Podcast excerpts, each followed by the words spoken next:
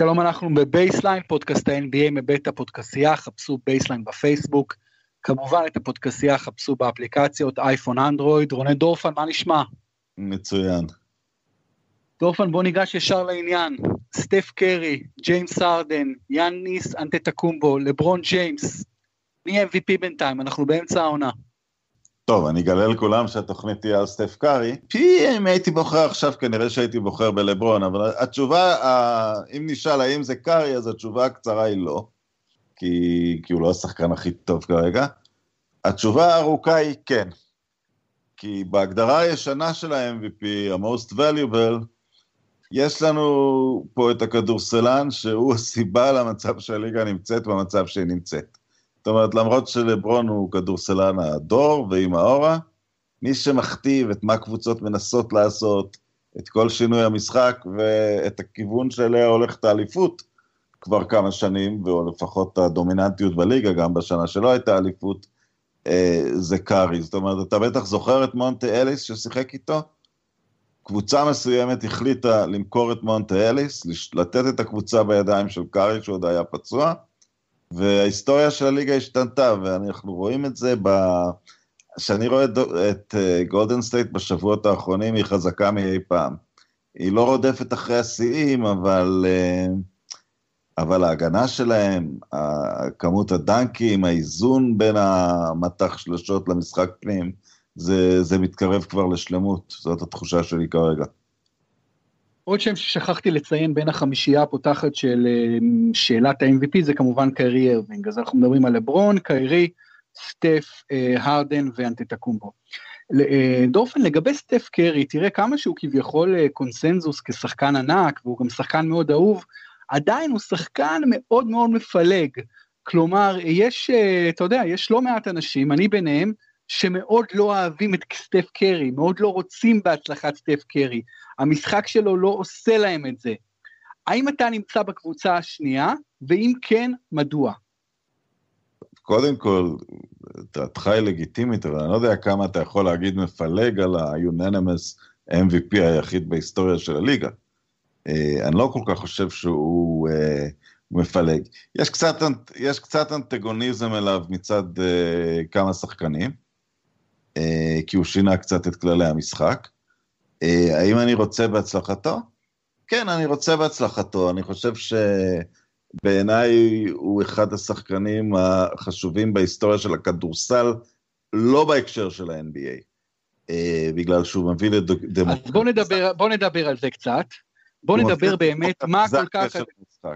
כי, כי, כי ענף ספורט ענף ספורט, אתה יודע, אני אקח את המשחק הכי פופולרי, הוא כדורגל, ואחת הסיבות שהוא הכי פופולרי זה שההצלחה הגיעה מהרבה מקומות שונים, מהרבה גישות שונות, מהרבה תרבויות שונות, אה, וכדורסל עדיין, אחת החסרונות שלו שהוא, אה, אני מדבר מבחינת ה-IPL העולמי, הוא משחק שנשלט על ידי האפרו-אמריקאים מאיזושהי סיבה, תרבות, וואטאבר, אה, אבל הוא נשלט על ידי האפרו-אמריקאים בצורה כמעט מוחלטת. עכשיו זה נקרא אבסורדי. אתה לא רוצה להגיד את המילה גנטית? אתה שלם איתה או לא שלם לא, איתה? אני, אני, כי זה דו, אה, אה, כי זה הולך לשני כיוונים. כמובן שלגנטיקה יש השפעה, אבל אחרי זה יש עוד שחקנים שחורים בעולם, כן? אה, קובה לא ברמה של ארה"ב, ברזיל לא ברמה של ארה"ב. אז זה כפול, זה השפעה של תרבות וגנטיקה ביחד. אף אחד לא נולד אה, כוכב ספורט.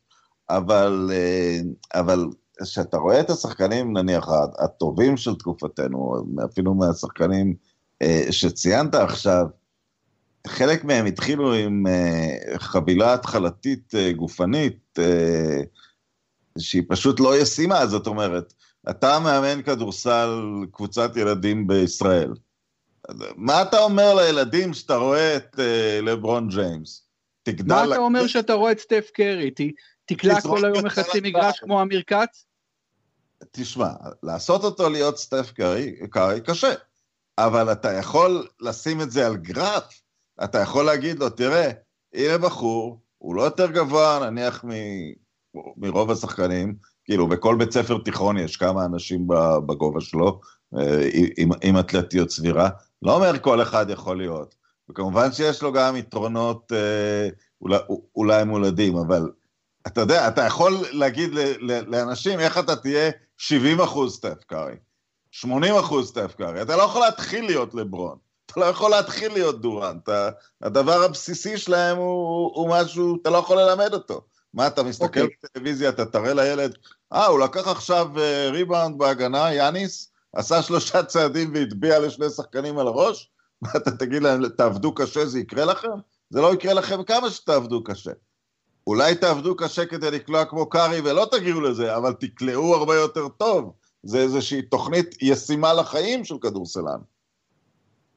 יש הרבה נקודות לדבר עליהן. קודם כל, סטף קרי, אה, זה משהו שיודעים אותו, אבל אני לא חושב שמספיק מעריכים אותו, זה שהוא בן לקלעי היסטורי מחונן. כלומר, הוא אבא שלו דל קרי, אני ב- בילדותי ראיתי את דל קרי הרבה, דל קרי הוא קלעי מהגדולים בתולדות ה-NBA, כלומר, שונה אבל, נולד... catch and shoot, catch and shoot. כן, שונה. כן, לא משנה, לא משנה, קלעי טהור נדיר, נדיר, כן. קלעי טהור נדיר, אז קודם כל הוא בן לקלעי טהור נדיר, והוא הפך להיות אפילו קלעי עוד יותר גדול מהאבא, הקלעי הכל כך גדול שלו.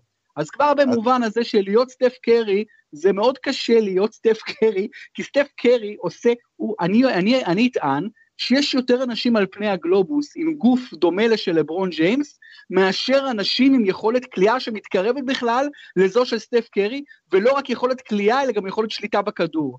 מה אתה אומר על זה? אני אומר שלא, אבל אני רוצה להתייחס לעניין האבא. זאת אומרת, מבחינת המספרים, אנשים נולדים, נולדים בכלל בגודל של לברון ודורנט, רק בגובה, כן? בשכיחות של 1 ל-2000. אה, ואז אתה צריך להוסיף את האתלטיות, והם כנראה רצי 100 מטר של מתחת ל-12, והם כנראה קופצי גובה של מעל 2 מטר 20. אני לא הייתי נכנס ל... בוא לא ניכנס לדיון, כי אנחנו לא מומחים לביולוגיה, ואני חושב שאם תבדוק את זה, אני מאוד מאוד אופתע אם... אבל יש המון סוסים, יש בעולם המון, בוא נקרא לחבר'ה האלה אתלטים סוסים כאלה, ברור שלברון זה כן, הקצנה, הקצנה של הדבר הזה. אבל, כן, אבל, אבל כמה, יש גם הרבה קלעים טובים בעולם, יש גם הרבה, מהצד שני יש גם הרבה קלעים טובים, ויש לך סטף קרי אחד אולי. אתה מבין, אבל לקלוע כמו סטף קרי... אין לך אחד, יש לך קלעים פנטסטיים בכל פינה. תראה מה עושה קורבר, תראה מה עשה נאש, תראה מה עשה סטויאקוביץ'. אה, לא, כן, אבל לא, לא ברמות, אבל בוא ניקח את זה למשהו יותר מעניין עם המשפחה שלו. אני חושב שאחת הסיבות ה... המעניינות לזה שקארי הוא, הוא אני, אני לא חושב שעל זה תתווכח, למרות שאתה מתווכח על הכל, הוא אחד הסופרסטארים שהכי חי בהרמוניה עם הקבוצה. הוא לא לוקח מהם כלום, הוא לא לוקח להם את הכדור, כולם משחקים בחדווה, הוא לא מזיז את כולם עכשיו הצידה והמשחק הוא שלי, ואני חושב ש, שקארי, אחד הדברים שפועלים לטובתו, הוא חי בנפשו שלושה כדורסלנים שונים דרך המשפחה שלו. זאת אומרת, הוא שחקן היסטורי, אבא שלו שחקן מצוין. קלעי היסטורי, קלעי. כן, אתה יכול להגיד, אה, אתה יודע... לא שחקן היסטורי בשום...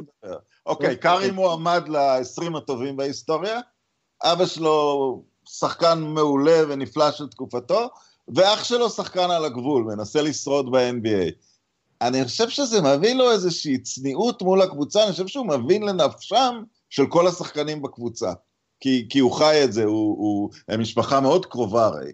אה, והוא חי, אני, אני ראיתי אותו פעם הולך למשחק די-ליג של אחיו, ואחיו היה MVP של ליגת הפיתוח, ובגלל זה קיבל חוזה קצר, ו- וקאי היה ביציע, והיה ממש בתוך העניין הזה כשהוא נמצא ב... הוא כבר, זה היה בין שתי עונות ה-MVP שלו, כן? אה, ואני חושב שזה נותן לו יתרון מאוד גדול. הוא, הוא, הוא לא הגיע ל-NBA, וואו, נפל עליי הכסף, נפלו עליי הבחורות, אני עכשיו סופרסטאר. הוא הגיע למקום מוכר לו, מהחיים של האבא שלו, והוא מכיר את זה בכל הרבדים וכל הרמות, ואני חושב שהקטע הזה של ההרמוניה עם הקבוצה זה מאוד בא לידי ביטוי, כי, כי הוא ממש, הוא, הוא חי את זה, הוא אפילו לא צריך ללמוד את זה. עוד משהו שאני חושב שקרי אין לו את זה בקטע טוב, זה אין לו אגו של כוכב, כי הבן אדם לא גדל ככוכב.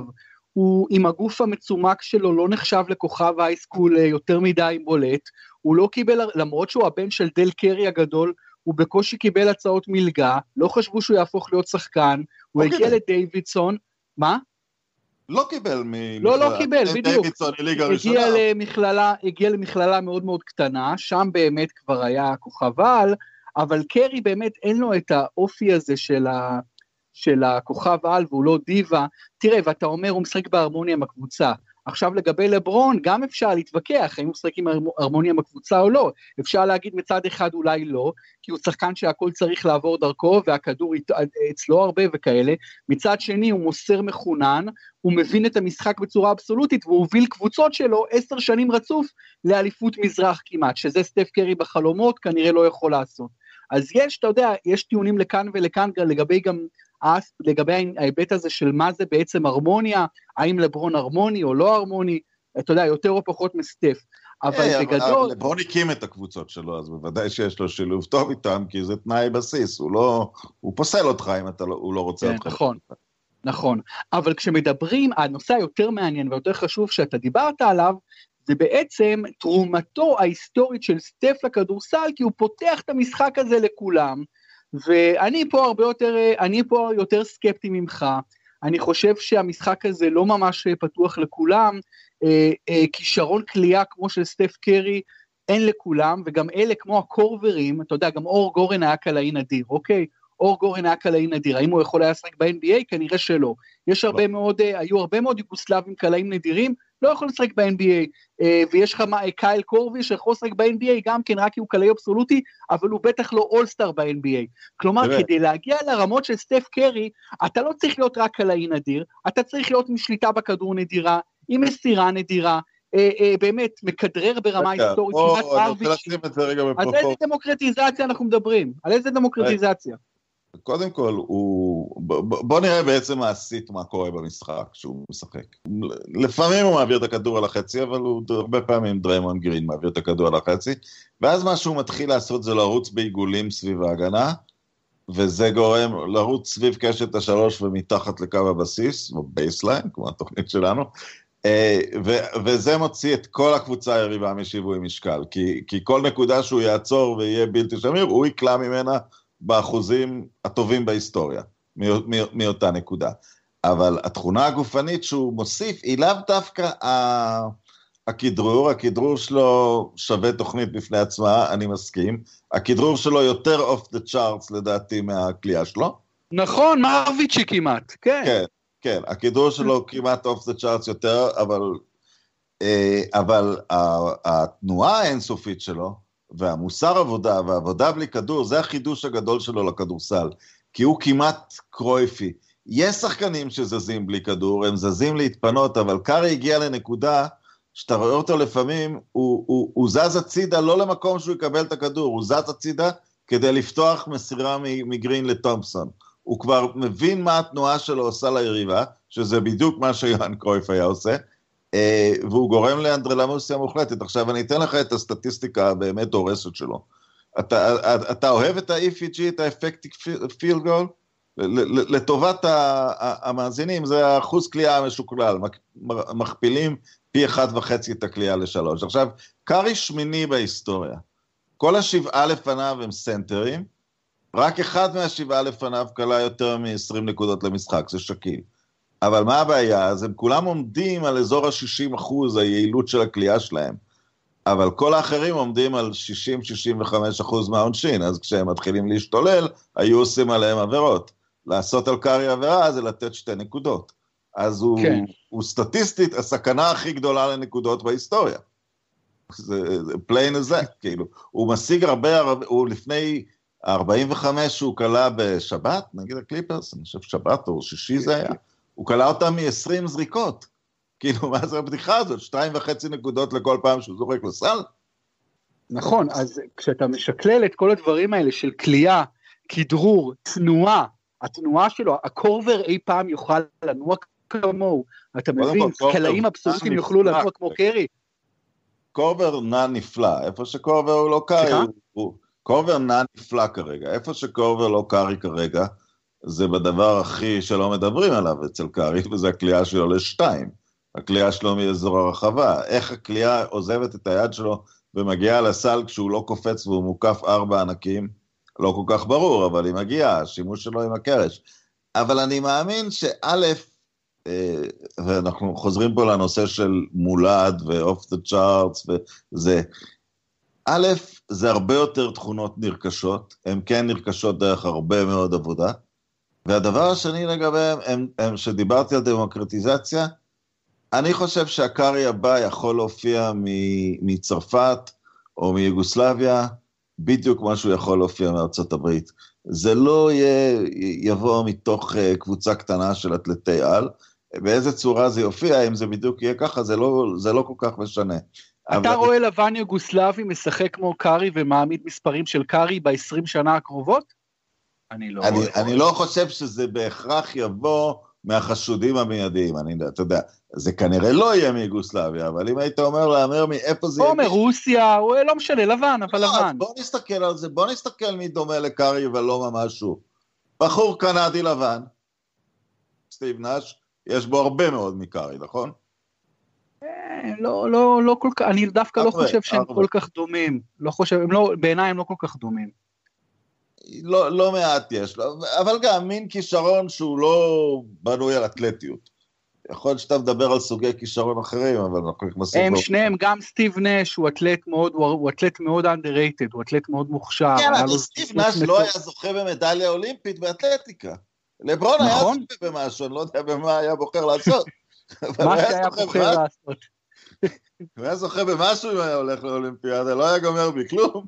כן, אבל דיברנו על זה, בעיניי גם סטף קרי הוא אתלט הרבה יותר גדול ממה שאנשים, אה, אתה יודע, בגלל שהוא מצומק והוא לא, לא בריון, זה לא אומר שהוא לא אתלט.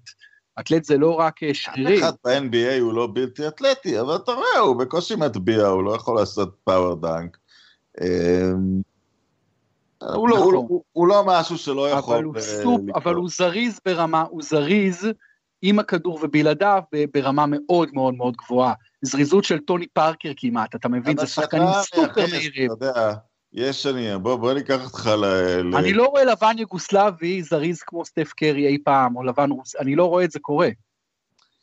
תראה, קח את ה, גם את הבחור החדש הזה, אני לא יודע אם יצא לראות לך במכללת אוקלהומה, את... אה, את טריי יאנג. כן. מתחיל עכשיו טרנד, כי מתחיל עכשיו טרנד שהוא התחיל מקובי בריינט בעצם, ואתה רואה אותו בקארי, אתה רואה אותו בטריי יאנג, בקיירי אירווינג, בבן סימונס, אה, שחקנים דור שני. וקליי, קליי תומפסון, גם שחקנים דור שני. הרבה אה, מאוד בכדורסל יש, יותר אולי מכל ענף אחר אני חושב. כן, ואני לא חושב שזה, אני, אני דווקא לא חושב פה שזה, למרות שזה כבר משעמם אותי הדיונים על הגנטיקה, זה לא גנטיקה, זה פשוט הבחור ישב עם אה, אבא שלו, והם למדו לשחק כדורסל מגיל הרבה יותר צעיר, וזה הרבה יותר נרכש, ואתה יודע, אתה רואה את זה גם בפרנק למפרד, שאבא שלו היה שחקן. יש יתרון גדול בבוסקט, יש יתרון גדול.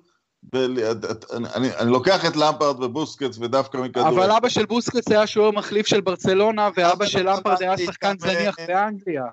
כן, אבל זה לא חשוב, זה לחיות בקבוצה, זה להתאמן, זה להבין מה זה מקצוען. אבל אחוז הבנים של הכדורגלנים ברמות הגבוהות הרבה יותר נמוך מאחוז הבנים של הכדורסלנים, לא כדורסלנים אני לא בטוח, אני, אני דווקא, כי אני מבין רק מנצ'סטר. תראה כמה אבות הבאת, תראה כמה אבות היו שחקנים.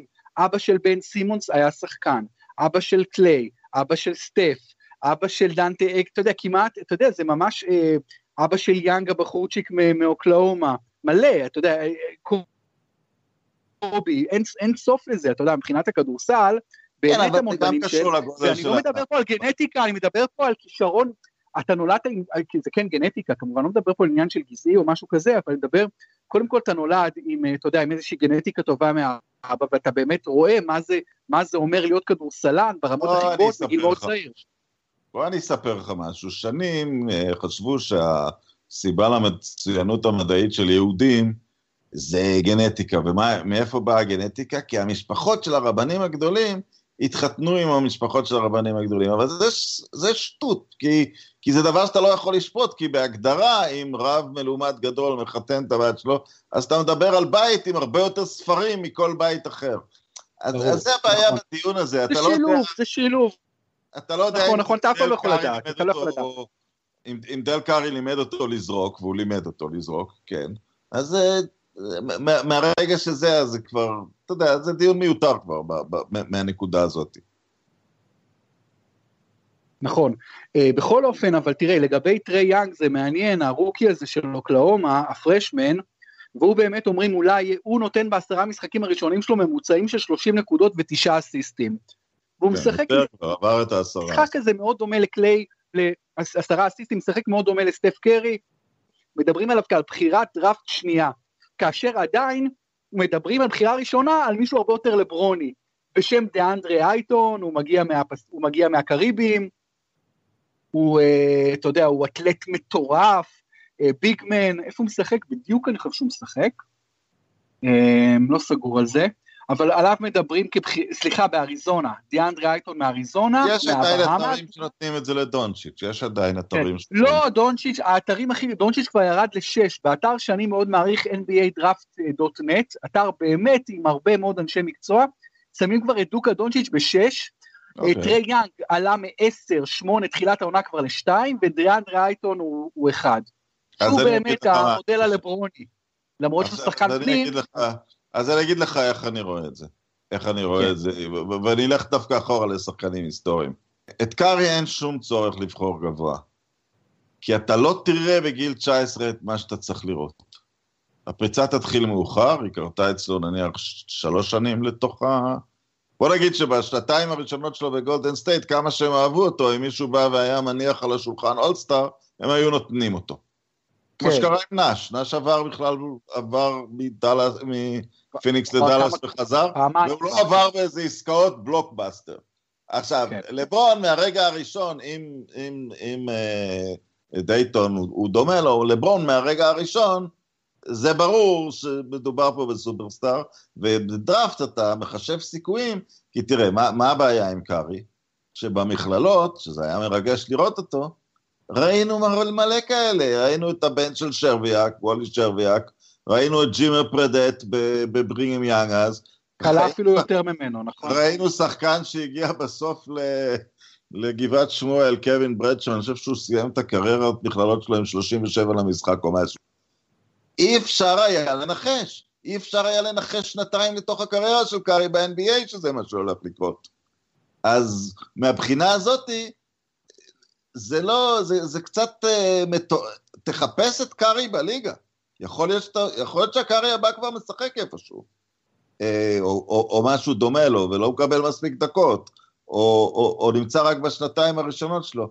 אתה תוכל... Uh, זהו, זו הטענה שלי, דורפן, שקארי כל כך נדיר, שלכן אני חושב שלדבר עליו כעל חשוב, במרכאות או בלי מרכאות, זה קצת לפספס את העניין, כי אין לך, תחפש בכל ה-NBA עוד מודל עוד תואם סטף קרי. אתה לא באמת תמצא. מה? ולפי מה שאני מבין, כבר המאמנים בכל העולם בוכים, שכל הילדים שהוא ממש משפיע על הכדורסל בקבוצות ילדים, ובצדק. זה דבר טוב בהכרח? מישהו אמר שזה דבר טוב? יאניס, אתה רואה את יאניס, מה התגובה שלך? אתה רץ לו למקרר, לוקח בירה ומתיישב ורוצה לראות עוד יאניס. אתה רואה את קארי, אולי תלך למגרש, תתחיל לזרוק קצת. תראה, עדיין אני חושב שאם אתה רואה, תראה שחקן כמו נגיד דמאר דרוזן, שהוא גם אתלטי מאוד, הוא גם שחקן old school של ה second guard השחור מהגטו, שמשחק כדורסל מאוד מאוד crafty, מאוד אתלטי, אבל אתה יודע, לא יד גדולה, לא יד גדולה, בכלל, ממש לא, לא קולע שלשות, עושה את הכל בחדירות, ב pull-up ג'אמפרים, שליטה בכדור נהדרת. אני אומר, אם יש לי ילד, ילד צעיר עם איזושהי אתלטיות מסוימת, אני אומר לו, תסתכל יותר על דמאר דרוזן ועל סטף קרי, כי סטף קרי הוא לוליין בקרקס של אחד מהם ביליון. ו- וזה דווקא בעיניי כדורסל לא פחות לא נכון, ש... וגם אבל, פחות אבל יפה, לא חושב... למרות שהוא כביכול מאוד מאוד אטרקטיבי, אבל בעיניי זה פחות, לא יודע. אוקיי. קשה אתה... ללמוד מזה. בוא, בוא, אני רוצה להפריד פה בין, בין שני דברים. אני מסתכל על, ה, על הפופולריות האישית שלו, ועל זה שהוא כוכב עולמי עם כל החוזה פרסום, ואולי גם על ההשפעה שלו על הרחוב, אבל דווקא מה שאמרתי קודם, שהוא הוא, הוא, הוא, הוא הסכנת נקודות הכי גדולה בכדורסל, והוא הסכנת נקודות זזה, הוא כמו תותח מסתובב שאתה צריך לרדוף אחריו, והוא הופך לסיוט. השחקן שהכי דומה לו בליגה, אני חושב, השחקן שאם גולדן סטייט הייתה צריכה להחליף אותו, אני חושב זה לילארד דווקא. כי גם, כי, כי, כי לילארד... כן, גם הוא וירטורוז ברמה מטורפת. כן. עם, עם, יד, עם, יד, עם יד מדהימה. בסופו של דבר, אתה יודע, אף שחקן גדול בהיסטוריה לא חוזר בדיוק כמו השחקן הקודם, נכון. אבל בסופו של דבר, ה- ה- היכולת להפעיל קבוצה דרך קלעי חוץ שגורם להגנה אה, לקרוס, מרווח אותה בצורה, אתה יודע, הקבוצה שלו מובילה את הליגה בדנקים בגללו, זה, זה בא מהכלייה ומהתנועה. הווירטואוזיות היא, היא, היא נוספת על הכל, היא כמובן, היא מוסיפה הרבה גלוס, היא מוסיפה ליוקרה האישית שלו, והדבר הזה יכול לחזור על עצמו. אני, אני משוכנע. בוא נדבר על סטף קרי בראי מייקל ג'ורדן. איך הם, איך השניים האלה דומים, אם בכלל, אם יש איזשהו דמיון, ומי יותר השפיע, הרי אתה רואה פה דורות, הרי בסך הכל מאז ג'ורדן, כבר מאז הפרישה שלו עברו 15-20 שנה, ללא ספק השחקן הגדול בהיסטוריה, אתה רואה, ב, אתה כן יכול להגיד, בואנה, גדלו דור שלם גם, ש, שניסו לשחק כמו מייקל ג'ורדן, דמאר דרוזן מנסה לשחק כמו מייקל ג'ורדן, וינס קרטר מנסה לשחק כמו מייקל ג'ורדן, ואני יכול לתת אין ספור כאלה שחקנים. בוא, בוא נדבר קצת על קרי בהקשר של אוקיי, מייקל ג'ורדן. אז מה שאמרתי קודם, שהשתמשתי במילה הזאת אה, דמוקרטיזציה, אני יחסית למריטוקרטיה.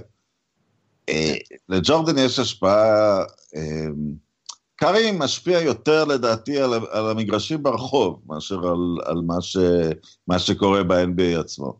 ב-NBA עצמו עדיין יש העדפה לאתלטים גדולים, מי שנולד מתאים, בין סימונסים למיניהם, יש להם עדיפות על, על כל האחרים. אני חושב ש, שקארי הוא יותר חשוב מחוץ ל-NBA, כשאני מדבר על, ה, על, על, על החשיבות שלו. על, על האנשים שלא יכולים לחסום, לחלום להיות uh, ג'ורדן. עכשיו, ג'ורדן אני תמיד צוחק, הרס את הכדורסל הישראלי. למה הוא הרס את הכדורסל הישראלי? כי הוא היה כל כך פופולרי שמדינות כמו צרפת וספרד ויוון התחילו לשחק, וזה מדינות ש... בשנות תרפפו היינו מנצחים אותם, כי היו לנו שחקנים. וזה גמר את ישראל וטורקיה. כן, בקיצור, אירופה התחילה לשחק בגלל ג'ורדן, העולם התחיל לשחק בגלל ג'ורדן.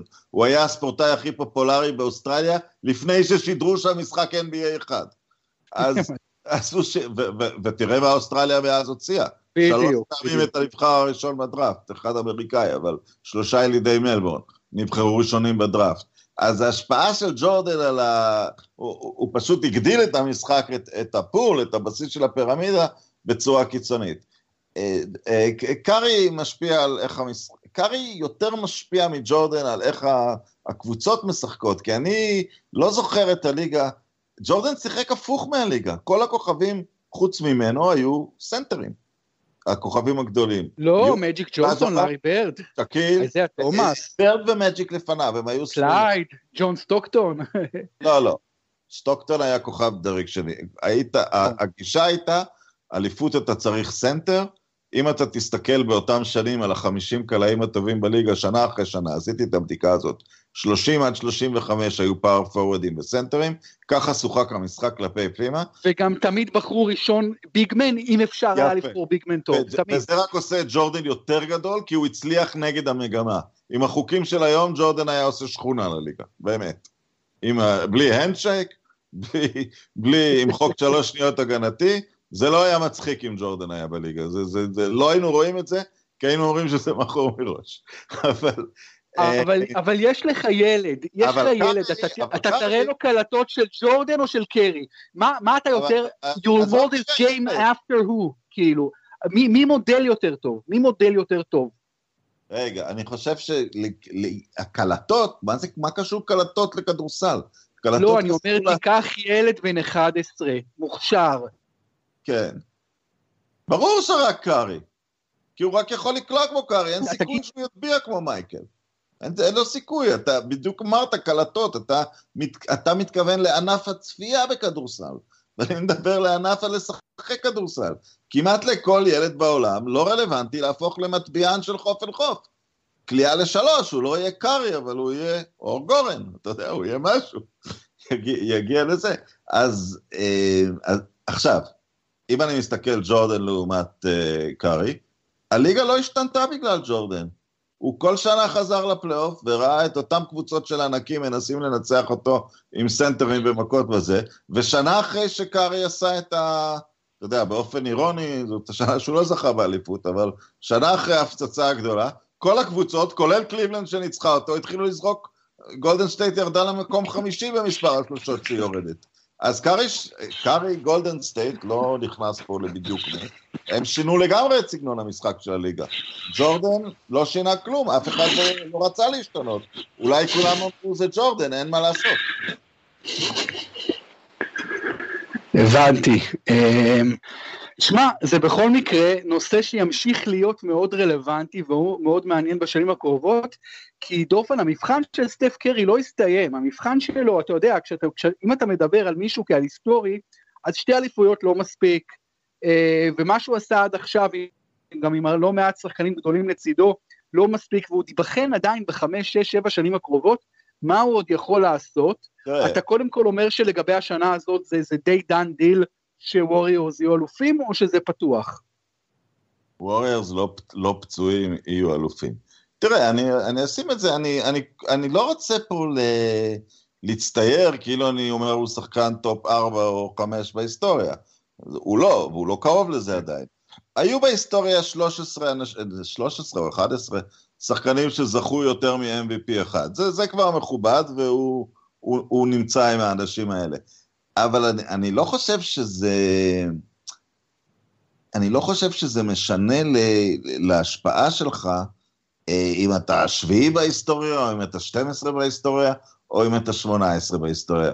זאת אומרת, היו שחקנים, אני, אני מאלה שלא מדרג את קובי בריינט כל כך גבוה, אני, אני חושב שהוא 15 או 14 או משהו כזה. גם אבל, אני, גם אני. אבל אני לא אכחיש שבדור שלו כולם רצו להיות קובי ולא רצו להיות דנקן. כאילו, אני, אני, אני, אני לא עיוור, אני... בסדר, כי זה סגנון משחק יותר אטרקטיבי, זה לא אומר יותר... אז לפופולריות, טוב. אז, אז, אז קארי הוא, הוא בוודאי, הוא בוודאי אחד משני השחקנים הפופולריים של הדור, או אולי שלושה, אולי גם דורנט. אה, אז לפופולריות ולמה שאנשים רואים כרואו מודל, הוא מאוד מאוד חשוב, הוא אולי יותר חשוב משחקנים שאולי יותר טובים ממנו. נכון, תראה, אין ספק לגבי הפופולריות שלו, אין ספק שזה הסגנון שכל ילד קטן מתאהב בו, אתה מבין? הוא, הוא, הוא ספורטאי שמתקשר לילדים הקטנים שרואים את הבחורצ'יק הרזה הזה והקטן, דופק שלשות, מלטט, עושה שיגועים לכולם עם הכדורים, אין ספק, אין ספק, אני רק אומר שצריך... זה, זה הדבר, זה המוטיב הכי עתיק בהיסטוריה, אפילו מלפני יוון העתיקה, דוד וגוליית. זה... נכון, זה, נכון. והתנ"ך שם נרטיבים, אה, נרטיבים ממש... אני, ש... נכון. זה לגמרי משם. אני פשוט לא אוהב את ה... אני לא אוהב כל כך את סגנון המשחק המאוד מאוד לולייני שלו, אתה מבין? אני לא אוהב את זה, את כל השלשות המטורפות האלה בכל... נכון שהוא עושה את זה נהדר והוא מאוד יעיל בזה והוא שחקן נהדר, אבל פשוט הסגנון הזה בעיניי הוא איזשהו סגנון, איזשהו עיוות, איזשהו עיוות של המשחק, שאני לא רואה אותו דווקא, אני לא חושב שזה ייצור מהפכה, אני לא חושב שזה ישנה את האופן שבו המשחק ישוחק לונג טרם. אנחנו רואים כוכבי על צעירים בליגה בלי הסגנון הזה, יאניס, בן סימונס, אה, לא חסר, אתה מבין? אז אני לא רואה את סטף, כאילו, אתה יודע, את כולם הופכים להיות סטפים קטנים. וסטטיסטית זה שינה את המשחק. תראה, את המשחק, את, ה, את הסגנון או כל מיני דברים דומים לגולדן סטייט, אפילו ניקח את ה high pace, את מספר ה possession ים, ראינו כבר קבוצות שניסו לנצח את הליגה בהתקפת טרור, את סיאטל, את דנבר הישנה, הם לא זכו באליפויות, אז זה לא השפיע, אבל כשקבוצה אחת מנצחת, מנצחים משנים את החשיבה, בדרך כלל. אמ, ואתה... היא אתה... מנצחת, נכון, אבל היא הייתה צריכה להביא, היא הייתה צריכה להביא את fucking קווין דורנט, אוקיי? כדי לקחת אליפות שנייה, ודורנט ולא סטף היו ה-MVP בסוף, ו- כן. ועדיין באליפות הראשונה שלו, היו לידו קליי תומפסון ו- ודריימונד גרין, והוא שיחק בגמר נגד קליבלנד עם קיירי ארווינג, פצ... עם קיירי ארווינג כן. אה, פצוע. אחד. תראה, כן. אתה יודע, זה אולי... יש כאילו כוכביות על השתי האליפויות האלה. תראה, בואו נפריד, בואו ניקח את שלושת סדרות הגמר, כי הוא גם הפסיד אחת, אחת וזה, וזה, כן. וזה חשוב לדבר על זה, כי, כי הוא לא היה, אין לו איזה רזומה מדהים. אבל נחלק את זה לשלושה חלקים. Uh, בגמר האחרון הוא שיחק ברמה של MVP, פשוט היה מישהו יותר MVP ממנו. הוא נתן הופעה מופלאה בגמר האחרון, 28, 9 ו-8 אני חושב. Uh, אז, אז אי אפשר לבוא אליו בתלונות בשום צורה על הגמר האחרון. Uh, בגמר כן. השני, בין פציעה לבין קריסה, זה לא הוסיף לקריירה שלו, כמובן הקבוצה כולה קרסה באיזה נקודה מסוימת, אולי היא למדה מזה משהו, אולי לא, אולי קשור לפציעה, זה לא היה גמר טוב. והגמר הראשון, הוא, דווקא אני רוצה לקחת אותו כדוגמה. הוא היה בינוני, היו לו שני משחקים מאוד מאוד טובים שהוא נכנס בסוף. נכון, גם לא זכה ב-MVP, גודלה לקח כן, את ה-MVP, אבל, אבל, אבל פה... אתה רואה את לברון, שנייה, סליחה שאני קוטע אותך, אתה רואה את לברון או את ג'ורדן מנצחים סדרה ולא מסיימים כ-MVP, זה יעלה על הדעת, זה אפשרי דבר כזה, הרי זה ברור שזה לא ייתכן. בדיוק כמו שאתה צועק ושואג, ואתה מייצג את הנושא הקובי בריינטי, זה בדיוק הנושא של שחקן בהרמוניה עם הקבוצה. מה סטף קארי עשה בגמר הראשון כשהקליעות לא נכנסו? הוא לא התחיל לזרוק מכל מצב, הוא פינה את הדרך. ואימא, ואני אהרוס עכשיו ואלוהים וזה, הוא לא התנהג כמו איזה קובי בריינט מטומטם, כן? הוא לקח את הדברים אחורה, אמר, יעשה את מה שצריך, ואנחנו נגזור את הרשתות, ואנחנו נלך הביתה. עם התואר ביד. בסדר, אבל אנחנו לא נותנים פה פרסים ל good guys, אנחנו לא בקטע של לתת פרס ל good guys. הוא לא חשב כמו קובי בריינט, הוא לא חשב באותו רגע, אני חייב השנה להביא את ה-MVP בגלל הגמר של שנה שעברה. הוא חשב כמו ילד שגדל בתוך קבוצה, אה, כמו ילד לשחקן שגדל בתוך קבוצה, האם זה טוב לקבוצה שלנו, איך זה ישתלב, כי בסופו של דבר, אתה, אתה יודע, אתה, אתה כאילו עושה פה הדרה של האגו. מצד שני, יש לגולדן לא, סטייט. אתה מדבר על הבני זונות האלה שאומרים, יישרף כל העולם אם אני לא אקח MVP. אבל אני מדבר דווקא מהכיוון השני, שאני אומר, אם לברון ומייקל ג'ורדן לא משחקים כמו MVP, הקבוצה שלהם לעולם, לעולם, לעולם לא תנצח. אה, אתה מדבר על מבחינת התלות. אני מדבר על הכיוון הזה. על הבחינה של התלות אתה צודק, אבל אני רוצה לחזור גם לשלושת הגמרים ולשאול את עצמי, שזו שאלה שחייבים לשאול ביושר, אם זו תופעה, אז תראה, עד העונה הזאת יש שליטה מובהקת של המערב בליגה.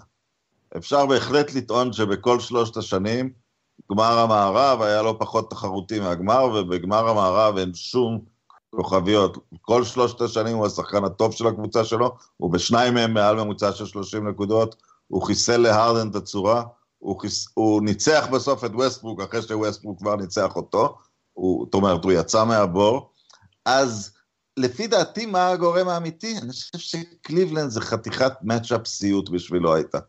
כי קיירי מכריח אותו לעבוד בהגנה יותר, שזה נכון, זה לא הדבר הכי, הכי קל בשבילו, וכדי להתגבר על לברון, הם באמת ספציפית בשביל נושא לברון, גם אם יש קבוצות יותר טובות מקליבלנד בסן אנטוניו, באמת הוא, הוא יצר איזה בעיה שהיה צריך להזין את דורנט יותר כדי ש... הם הלכו אל דורנט כדי שלברון יעבוד בהגנה, כי אתה כן. בסופו של דבר צריך ל... אז אני חושב שזה מצ'אפ, אה, שזה היה קצת נושא של מצ'אפ אה, בעייתי. גם, וגם, וגם כי אולי לדורנט הוא ממתי מעט הבודדים בהיסטוריה אולי יותר גדולים מסטף קרי, אתה יודע, זה ייתכן. כן, אבל לדורנט יש היסטוריית פלייאוף לא פחות אה, בעייתית משל... אה, משל בוודאי, בוודאי. זאת אומרת, הוא לא זכה לקרוס בגמר כי הוא קרס קודם, אתה יודע. קארי כדי לקרוס נכון, בגמר בשנתיים גם אולי... גם קרס בגמר. כדי לקרוא לשתיים מהגמרים שלו קריסות, הוא בכל זאת עבר שלושה סיבובים בקונפרנס המאוד קשה בתור הכוכב כדי להגיע לגמר, והיה טוב, אז אה, צריך לשים את הדברים בפרופורציות. דורנט בכל מיני נקודות לא הלך לו, ולפעמים הלך לו גם, היו לו כמה הופעות פלייאוף טובות. דורנט, אני, אתה יודע, זה אירוני, כי לא שמנו אותו בדיון ה-MVP, ואם תשאל אותי היום מי משחק את ההגנה הכי טובה בליגה, הייתי אומר הוא, ומי משחק את ההתקפה הכי טובה, כנראה גם הייתי אומר הוא. אבל אתה יודע למה הוא לא MVP? כי אני לא חושב שהוא... הוא, הוא החתיכה הכי טובה של הקבוצה שלהם, אבל הוא לא הסיבה שהיא... שהיא, אני, אני אחזור לכדורגל, למשהו שאריקסן, סבן גורן אריקסן פעם אמר על סקולס, הוא אמר עליו, הוא גורם לקבוצה לשחק בכדור אחד. דורנט לא גורם כלום לקבוצה שלו, הוא, הוא, הוא עושה את העבודה שלו בצורה מעולה, הוא, הוא לא הגנרל, הוא החייל קומנדו, הוא החניך המצטיין, זה... אני לגמרי מסכים עם ההבחנה הזאת, והשנה סטף אפילו מתעלה אפילו על דורנט, נכון שדורנט נהדר, אבל בעונה הזו לכן שמנו את סטף בדיון ה-MVP ולא את דורנט, ובאמת, אני חושב שיש מרוץ MVP השנה שלא היה לנו, לא יודע כמה שנים. לא חושב שהוא יזכה, כי אני לא חושב... אני גם לא חושב שהוא יזכה. כי הם יפתחו יתרון... רק אם הם לא יפסידו מעכשיו עד סוף העונה אולי, אתה יודע, דברים כאלה, אז הוא כנראה יזכה, אולי הוא יזכה. אבל לא, השנה זה שנה מטורפת. מאז הפציעה הוא, פשוט העלף פאזה והוא כמה ימים משחק נהדר, אבל הוא לא יזכה גם כי זה יהפוך, אני חושב מהרגע שדורנט עבר אליו, שניהם נידונו ללא לזכות ב-MVP, כי זה בזבוז אנרגיה שהוא מיותר והוא טעות בשבילם ללכת לשחקן אחד שייקח על עצמו את הכל. אני, אני לא חושב ש... שכל אחד מהם יכול היה, אם היה רוצה, כן, כאילו. כן, אבל... אם, אם, אם סטיב קר היה מחליט ש, שקר או דורנט יגמרו עם ממוצע 40, אז, אז אחד מהם היה גומר עם ממוצע 40, כאילו זאת הייתה החלטה הקבוצתית, זה היה קורה כאילו. אני רוצה להגיד לך גם משהו עליו, הוא, הוא פשוט ערב אחרי ערב לא נכנס ברבע הרביעי אם היתרון הוא מספיק. אני, אתה יודע כמה מזל יש לי בחיים? המשחק הראשון שראיתי של ג'ורדן הוא כלה 55, והמשחק הראשון שראיתי של קארי הוא כלה 51. עכשיו, קארי, זה היה במגרש, במגרש, כן, וואו. אני מדבר במגרש. וואו, זה היה בוושינגטון לפני שנתיים, וקארי עמד על, קארי עשה משהו ש... הוא בעשר... ג'ורדן זה ה-55 בגרדן האגדי? כן, המשחק כן. האגדי? אחרי הקאמבק. כן, המשחק החמישי מהקאמבק. עכשיו, אבל... איזה 45? 45 על הגופייה היה? מה היה המספר? 45. כן. עכשיו, אבל אנחנו, התוכנית היא לא על ג'ורדן, נעשה אחת על ג'ורדן עוד חודשיים ביום הולדת שלו. העיקר היא עמד על 11 שלשות שהיו אחד מהשיא, חמש דקות לסיום, והמשחק היה די צמוד, אז הוא היה במגרש, והוא לא זרק שלשה בשלוש הדקות האחרונות שהוא במגרש. הוא לא מתעניין בשיאים. הוא לא, הוא משיג את כל הדברים האלה. אתה, אתה אמרת קודם, אתה יכול לדמיין את uh, קובי בריינט לא לוקח זריקה לשלוש כשהוא זריקה אחת מהשיא? לא יאמן. לא, לא, בקטע הזה, תשמע, ההתנהגות שלו היא לגמרי למופת, וההרמוניה שנוצרת שם, עם, אתה יודע, הוא גם מדבר, הוא וקליי, שהיו כאילו ה... איך קראו להם? הסמאש בראדרס? הספלאש בראדרס? אז הוא אומר, אז הוא אומר, כן, הוא אומר, אני וקליי זה האנשים הכי שונים בעולם. הוא אומר, הוא מתבודד כזה עם הכלב שלו, אני איש משפחה, אני נוצרי, אתה יודע, כאילו, הוא אומר, אני וקליי לא קשורים בשום דבר, אבל הם יצרו את ההרמוניה הזו. ואני רק אגיד, דורפן, באמת, כשאני, אתה יודע, עוד לפני דורנט, אבל תמיד אני רוצה שגולדן סטייט יפסידו בפלייאוף, ואני גם אוהד קליבלנד שרוף, אבל גם ב matchupים אחרים, אני אגיד לך, כמי שתמיד נגד גולדן אה, סטייט, אני לא פחות מפחד מקליי תומפסון מאשר מסטף קרי. ה fear factor, ה fear factor, בדיוק, ה fear factor של הרוצח המקצועי הזה, ה hitman הזה, קליי תומפסון, יותר מטיל עליי חיתתו לפעמים מסטף קרי.